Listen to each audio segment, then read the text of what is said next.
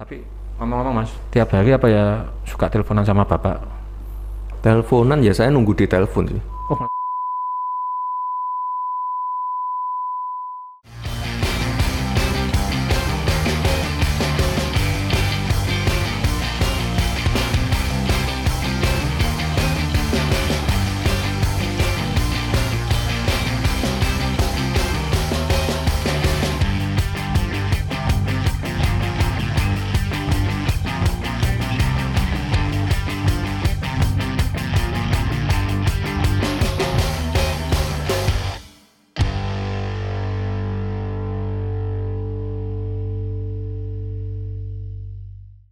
Selamat datang di podcast Aku Wakilmu. Ini episode yang ke-8. Episode yang cukup spesial karena biasanya tamu akan diminta bertanya kepada kami sebagai wakil rakyat, tapi kali ini kita akan bertanya kepada tamu. Kenapa? Karena tamunya cukup spesial. Tamu kita kali ini adalah Wali Kota terpilih Kota Solo, Mas Gibran Raka Buming Raka. Selamat datang Mas Gibran. Ya, Mas Ginda. Bagaimana kabarnya Mas? Sehat-sehat aja? Sehat Mas, sehat sehat. Alhamdulillah. Ya, Terima kasih loh Mas sudah menyempatkan diri untuk hadir di podcast ini. terima kasih. Oke, sebelum kita lanjutkan ini seperti biasa saya selalu di tiap episode podcast ini kami mencoba membeli beberapa produk-produk lokal Mas. Oh iya. Kali ini kita akan ditemani oleh kopi Loske Kopi dari Banjarsari Hmm. dan kita juga mencoba membeli kaos dari Medok. Nah, jadi buat teman-teman yang nantinya menyaksikan, silakan kita membeli produk dari lokal dan dari teman-teman kita sendiri. Sebelumnya sih Mas, saya mau Iya. memberi selamat dulu Mas, sudah ditetapkan sebagai wali kota terpilih. Terima kasih. Mudah-mudahan bisa membuat Solo lebih baik lagi. Amin, amin. Nah, karena sejujurnya Mas, podcast ini dibuat sebagai salah satu ajang untuk komunikasi antara anak muda supaya jadi sadar politik, Mas. Oh, penting itu. ya, jadi Iya. anak muda sadar politik. Hmm. Jumlah penduduk memang mayoritas anak muda dan Iya, iya. saya melihat Mas Gibran adalah salah satu contoh tepat untuk anak muda yang Hmm. akhirnya sadar politik dan mau terjun ke politik.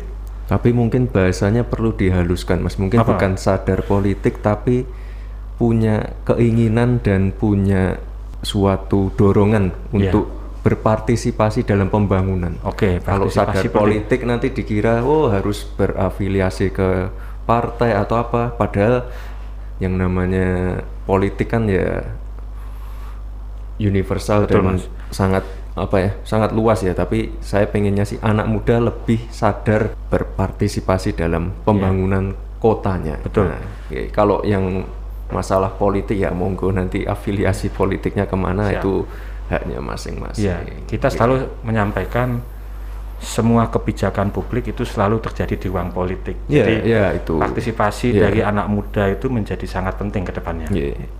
Jadi apa nih latar belakangnya yang dulunya pengusaha sekarang akhirnya terjun ke politik, mencoba menjadi wali kota dan sekarang terpilih, mungkin bisa diceritakan sedikit mas. Walah, kan udah sering saya ceritakan Mas Tapi kan belum di sini. Nah, saya kira pengusaha yang sekarang terjun ke politik itu banyak banget ya. Betul. Pak Sandi contohnya itu kan beliau juga pengusaha yang sangat sukses dan akhirnya masuk ke politik. Ya kalau saya sih pengennya cuma gini sih mas, simple aja. Iya. Ya kalau saya jadi pengusaha kan saya bermanfaat untuk keluarga dan pegawai-pegawai saya. Betul. Ya kalau jadi politikus itu nanti saya bisa bermanfaat untuk orang yang lebih banyak lagi. Ya kalau di Solo ya saya bisa nanti insya Allah bermanfaat untuk 500 ribu penduduk Solo ini. Oke, Ya. siap-siap mas. Nah, setelah ditetapkan sebagai wali kota terpilih, kegiatannya apa aja nih mas? Masih belusuan mungkin?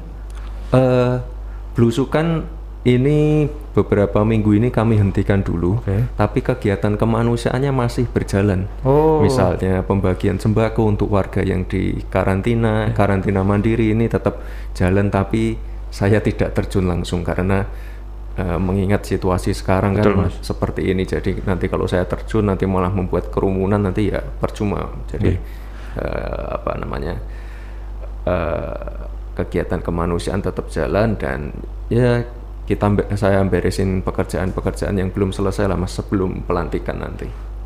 Kalau bisnis udah dilepas atau mumpung masih ada waktu Ya masih dipantau juga? masih kami pantau ya karena ini kan saat-saat apa ya saat-saat yang menantang lah untuk Betul. semua pengusaha Eh, Kudu sabar. ya harus sabar harus bisa survive ya kita tunggu aja lah nanti gimana proses pemulihan ekonomi di kota Solo ini Oke. Ini yang nyantai-nyantai dulu mas. oh iya Jenengan itu olahraganya apa sih mas? nggak pernah olahraga Wah, dari dulu pernah apa ya? Thai boxing atau apa itu saya ya pernah lihat. sekarang nggak pernah mas sudah udah capek Wah. Kemudian hobi motornya masih jalan mas. wah nggak nggak Tapi nanti setelah dilantik pandemi udah normal, ada keinginan nggak sih ngajak anak-anak muda? Oh ya pasti nggak. Sebenarnya kan sebelum pandemi kan kita banyak kegiatan dengan anak-anak muda ya mas ya. Betul, Kayak betul. ngopi ya kemarin apa motoran. Sebenarnya banyak sekali kegiatan-kegiatan dengan anak muda. Kegiatan-kegiatan kebudayaan juga kan banyak banget ya. Tapi ya karena pandemi kita ya istirahat dulu lah mas. Kita nggak pengen nanti apa eh, ada yang kenapa-kenapa. Ya kita menahan diri semua lah sekarang. Jadi anak muda harap sabar dulu. Iya iya. Nanti iya. kalau pandemi sudah berakhir normal lagi, Iya. Ya kalau saya sih menahan diri dulu. ya sepakat mas. Hmm. Tapi ngomong-ngomong mas, tiap hari apa ya suka teleponan sama bapak? Teleponan ya saya nunggu di telepon sih. Oh malah ditunggu telepon? Nunggu di telepon. Terus yang ngomongnya tentang keluarga atau mungkin tentang Ya, pemerintahan misalnya? ya tentang keluarga, tentang bisnis, ya tentang ya sekarang kalau sekarang porsinya lebih banyak ke politik. Ya, ya banyak sih Mas Sambil wejangan- belajar gitu ya, Mas? dari Bapak. Ya pasti, pasti saya belajarnya dan ya menyerap ilmunya pasti dari Bapak saya sendiri. Noh. Nah kalau Mas Janetes manggil Pak Presiden apa Mas? Mbah. Mbah gitu aja? Iya.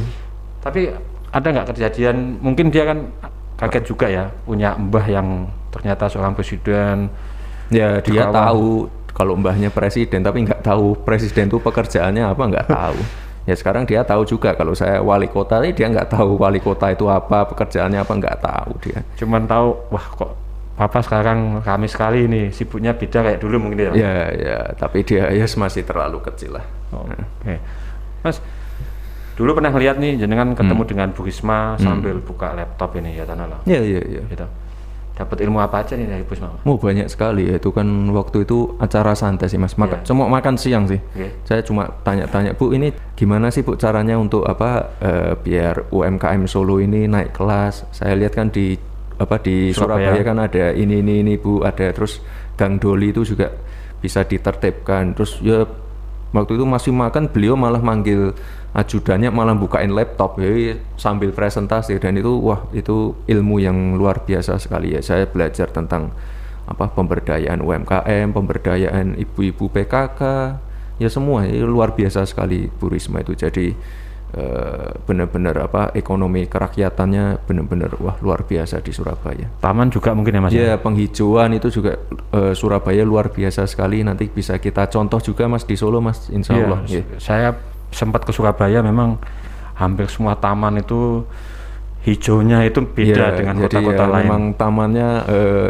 ya hijau semua, hidup semua, rimbun semua, Iya. bangun apa tanamannya tinggi-tinggi, hidup, wah itu luar biasa sekali dan itu ya nggak instan ya mas, itu Iya. harus bertahun-tahun. Tapi ya agak berbeda dengan di Solo ya, mas. ya. Kita tiap misalnya kalau berangkat apa berangkat pagi-pagi itu pasti saya menemukan ada aja deh di satu tempat itu yang pemotongan pohon ya. Biasanya Ah. kan saya langsung kirim ke Mas Ginda, Mas, potong pohon nih. Iya. Ya mau gimana lagi ya? Ya, ya Har- nanti kita perbaiki. Mas ya. Tapi saya rasa Bu Risma adalah salah satu guru yang tepat lah nanti oh iya pasti pasti pasti pasti. Tapi jane galak mboten to Bu Risma Hmm? Mas. Enggak, sama saya nggak pernah galak. Tapi ya orangnya disiplin.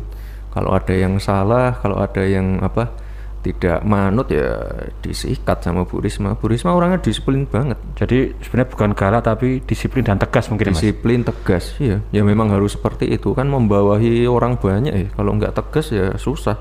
Berarti besok ya tegas juga nih Mas. Ya harus tegas. Siap. Nah, kalau Bu Risma pernah, kalau dengan Pak Ahok mungkin atau dengan Pak Sandi yang kebetulan sekarang juga jadi Menteri Pariwisata dan Hmm. Ekonomi Kreatif, pernah dapat masukan juga ilmu-ilmu Oh, dari kalau beliau? eh, dengan beliau berdua ini belum pernah eh, bicara panjang lebar sih mas. Ya semoga nanti dapat kesempatan ya untuk apa kerja sama bareng dengan beliau berdua ini, terutama Pak Sandi. Iya, Soalnya betul. kita pengen eh, ya ekonomi kreatif, terus pariwisata di Solo ini bisa tumbuh lagi. Kita Iya. nggak pengen Solo ini kalah dengan kota-kota lain, terutama kota-kota yang lebih kecil dari Solo. Sepakat Nah, mas. Saya berharap memang karena potensi utama ada di pariwisata, memang komunikasi dengan Menteri Pariwisata menjadi Iya, sangat iya, penting iya, nantinya. iya, iya. Nah, saya pernah dengar Mas Gibran menyampaikan di debat itu tentang paperless, ya Tanah. Hmm, nah, hmm, mungkin bisa diceritakan sedikit ya paperless apa yang nantinya mau diterapkan di Kota Solo, Nah. kira-kira. Kemarin pada waktu debat tuh kan kita membahas masalah sampah yang ada di kota Solo ya mas. Betul, Mas. Kita kan kemarin saya bahas tentang apa eh, TPS yang sudah sekarang eh, jadi TPS mobile, Ya. terus apa yang ada di Putri Cempo. Lalu kemarin saya bicara masalah bank sampah juga di tingkat RT RW. Terus terakhir saya tutup dengan apa kita ingin di pemerintahan itu kalau bisa paperless. Betul. Ya, jadi kita menghindari apa eh, ngeprint dokumen-dokumen yang banyak lalu habis itu tidak terpakai atau hanya disimpan atau diarsipkan saja kita pengen semua ya semuanya kan sekarang serba digital ya mas Oke. kita pengen adanya penghematan dan ya mengurangi sampah kertas lah sampah kertas yang meskipun eh, kertas itu bisa didaur ulang tapi kita pengen ya mengikuti perkem- perkembangan zaman lah mas sekarang kan semuanya pakai PDF dan lain-lain dan bisa dikirimkan melalui email melalui WA yaitu kita pengennya yang ringkes-ringkes aja sih mas Saya cocok Mas, ini kebetulan Iya. di studio saya. Eh. Apa ini mas? Ini- Waduh. Ini salah satu anggaran di salah satu semester Mas. Nah Jadi, itu, ya contohnya salah satunya itu. saya ini mau membaca aja, jangankan membaca, membawanya aja udah kesulitan. Ya ya ya ya. Jadi saya memang berharap ya kalau nanti bisa paperless, PDF, Ya sebenarnya ini saya yakin versi digitalnya kan ada tuh mas. Iya. Iya iya iya ya itu. bisa dibayangkan ketika tidak perlu dicetak sampai sejauh Iya, seba- iya. setebel ini, Iya. hampir semua anggota dewan, Iya. semua dinas dapat, tapi Ya apa pun itu kan nanti bisa di ya misalnya kalau masalah anggaran kan bisa dipelajari di lewat laptop. Nanti Iya. kalau di jalan ya bisa lewat HP. ya. Kita pengen mempermudah aja sih mas. ini sakmene ya membawa itu Di, itu ada berapa rangkap coba? Wah, ini hampir semua dapat. Semua Mas. dapat. Iya, Pak semua Sekda. Pak Wakil, semua anggota dewan. Wah, dapat. itu. Semua dinas dapat. Ya ya ya ya. ya. Kelurahan kelurahannya aja udah 54. Jadi Nah. saya rasa akan ada efisiensi yang jauh lebih baik Iya iya iya dengan iya iya. ketika tidak perlu dicetak tapi cukup dengan paperless. Saya sepakat sekali, Mas. Iya iya iya iya. Nah, kalau dahulu kan waktu kampanye maupun sebelum kampanye jenengan sering belusukan. Hmm, gitu. hmm, Nah, kira-kira ke depan apakah juga akan melakukan belusukan dari modelan ya? Jadi mungkin datang ke kelurahan, datang ke kecamatan. Oh itu itu datang. pasti sih mas. Kita ya saya dari dulu saya tekankan yang namanya belusukan itu bukan untuk mencari suara atau pencitraan ya, tapi kita pengen benar-benar menyaring aspirasi benar-benar dari bawah di tingkat kecamatan, kelurahan, tingkat RT, tingkat RW kita pengen ngerti permasalahan yang di lingkup-lingkup bawah ini. Jadi ya kalau kita cuma ada di kantor Betul, nunggu laporan dari staf kita ya kita nggak tahu keadaan di lapangan sebenarnya seperti apa.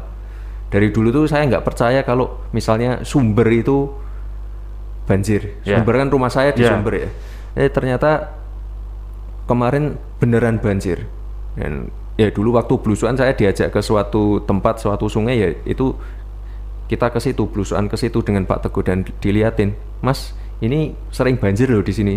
Saya sih nggak percaya sama Pak RT, Pak Ya. RW-nya. Loh, Pak ini sungainya airnya hampir nggak ada kok Pak. "Ya, tapi kalau hujan naiknya cepat banget ya. Ternyata benar waktu itu banjir Ya. dan uh, itu kalau kita nggak lihat langsung di lapangan kita nggak akan tahu kalau apa eh, banjir itu benar-benar terjadi dan itu benar-benar di dekat rumah saya mas dan itu ya itulah gunanya belusukan koordinasi dengan Pak RT Pak RW perlunya apa eh, gunanya ya seperti itu. Jadi mungkin nggak hanya berusukan ke masyarakat, tapi dinas, instansi, ke kantor-kantor pemerintahan, ke dinas itu penting juga. Iya. Ya misalnya kita kan nggak pengen Thomas, misalnya ada orang ngurus apa ngurus case atau apa, tapi mohon maaf Pak Lurah, Pak Camatnya belum datang ke kantor atau datangnya telat kan kita nggak pengen. Iya. Kita pengen ya nanti sidak gitulah jam Kita lihat ya 7 pelayanannya atau jam berapa itu. Apa, ya pelayanan seperti apa secepat apa apakah kendalanya di mana ya mungkin. ya apakah ada pungli? Saya kira kalau di Solo nggak ada. Apakah ada yang diperlambat dipersulit? Ya kita harus benar-benar cek di lapangan. Tapi saya kira kalau di Solo untuk pelayanan publiknya saya kira sudah cukup baik sih apalagi sekarang ada mall pelayanan publik Iya. ini sudah saya kira sudah cukup baik Oke mas. Tapi nanti setelah dilantik tetap mudah dihubungi kan mas? oh iya nggak gini mas itu pertanyaan yang paling banyak ditanyakan sih Iya. eh ini kan sekarang kan saya sudah bisa ya berkoordinasi misalnya dengan bagian umum ya mas. Ya. Nah, itu bagian umum kan sekarang namanya eh, Mas siapa Mas Herwin. Ya. Mas Herwin itu yang pertama saya tanya ini, Mas apa sih kebiasaannya Bapak, kebiasaannya Pak Rudi? Bangunnya jam berapa, menerima tamunya jam berapa, Sabtu Minggu ke mana kegiatannya kalau lagi kosong? Nah, saya saya wanti-wanti apa kebiasaan-kebiasaannya Pak Rudi yang baik jangan sampai dihilangkan. Jadi Oke. saya minta jadwalnya Pak Rudi itu apa aja tiap hari. Jadi misalnya Pak Rudi itu luar biasa sekali. Jadi jam 6 pagi itu sudah menerima tamu, jam 6 sampai jam 7 sudah menerima tamu. Nah, itu nanti ya kalau sudah digantikan oleh saya jangan sampai ini hilang. Betul. Jangan saya apa wali kotanya ganti terus wah susah ditemui. Jadi ini kalau eh, apa jadwalnya jam 6 jam 7 itu Pak Rudi sudah menemui tamu ya itu nanti kalau saya ya otomatis jam 6 jam 7 itu saya harus menemui tamu juga. Lalu dilanjut dengan jam 7 jam 8 menemui tamu lagi di balai kota. Nah, itu harus dilanjutkan. Jadi jangan sampai nanti beda wali kota beda Jangan sampai kaget ya Iya masyarakat. jangan eh, jangan sampai oh kok sekarang susah. Oh dulu Pak Rudi padahal sudah baik tapi kok sekarang jadi seperti ini. Jadi kebiasaan-kebiasaan yang baik dari Pak Rudi itu harus dilanjutkan apalagi misalnya eh, sonjo warga layat terus apa? Jagong itu wah Pak Rudi luar biasa Iya. sekali. Jadi wah nggak ada capeknya Pak Rudi ini. Dan ini kebiasaan-kebiasaan baik yang harus dilanjutkan. Ya misalnya lagi Mitra Projo ini harus dilanjutkan juga. Jadi ya kemarin yang saya minta pertama itu jadwalnya Pak Rudi itu apa aja setiap hari? Jadi pengen kita lanjutkan lagi Adaptasi atau kita samakan mungkin bisa dimodifikasi. iya iya iya atau mungkin kalau yang apa jam 6 jam 7 itu kan kebanyakan keluhan-keluhan warga ya mas Iya. nanti kita bisa itu kan satu jam kan waktunya nggak lama ya Iya. nanti kita bisa perbaiki lagi eh, misalnya ulas jadi kita perbaiki lagi biar warga nggak perlu ketemu saya langsung tapi bisa langsung eh, mengakses websitenya dan berkeluh kesah di situ jadi kita pengen nanti juga ada tim apa ya tim respon cepat jadi eh, apa namanya eh, keluhan-keluhan warga itu bisa kita respon dengan cepat juga melalui ulas tadi Oke, mas oke, Dan sama. kita nggak pengen eh, keluhan-keluhan warga itu kita atasi kalau sudah viral itu jangan sampai nunggu Ya. viral dulu nunggu rame di Instagram dulu baru kita tangani ya jangan sampai seperti itu kita pengen ketika ada keluhan atau sebelum ada keluhan pun, Pun, harus kita ya. atasi Siap. dan saya yakin di era digital ini semuanya serba dipermudah Oke. gitu Tidak terasa sudah hampir 20 menit ini Pak Iya. podcast kita. oke kita tutup Sebagai penutup mungkin ada sedikit closing statement atau kesan yang mau disampaikan kepada masyarakat anak muda atau podcast ini pun mungkin. Hmm.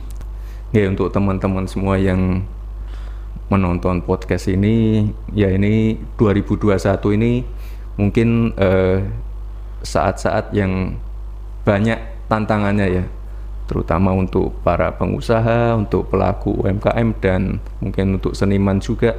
Tapi ini saya yakin 2021 ini jadi momen kebangkitan kita. Jadi Sepakat. kebangkitan dari pandemi. Amin. Jadi kita ingin eh, proses ini apa vaksinasi ini berhasil lancar. Kita ingin vaksin ini menjadi game changer. Jadi benar-benar Sepakat, Mas. apa bisa merubah keadaan sekarang. Kita pengen eh, vaksin ini bukan untuk kekebalan ini kekebalan pribadi, tapi kekebalan kelompok. Oke. Jadi kita pengen ya proses vaksinasi ini berjalan lancar dan kalau masalah kesehatan sudah terselesaikan otomatis masalah ekonomi bisa terselesaikan juga. Saya yakin itu. Oke, terima kasih Mas. Sebelum kita tutup, ada 8 pertanyaan singkat yang harus dijawab dengan cepat loh Mas. Nggih. Samsung atau Apple?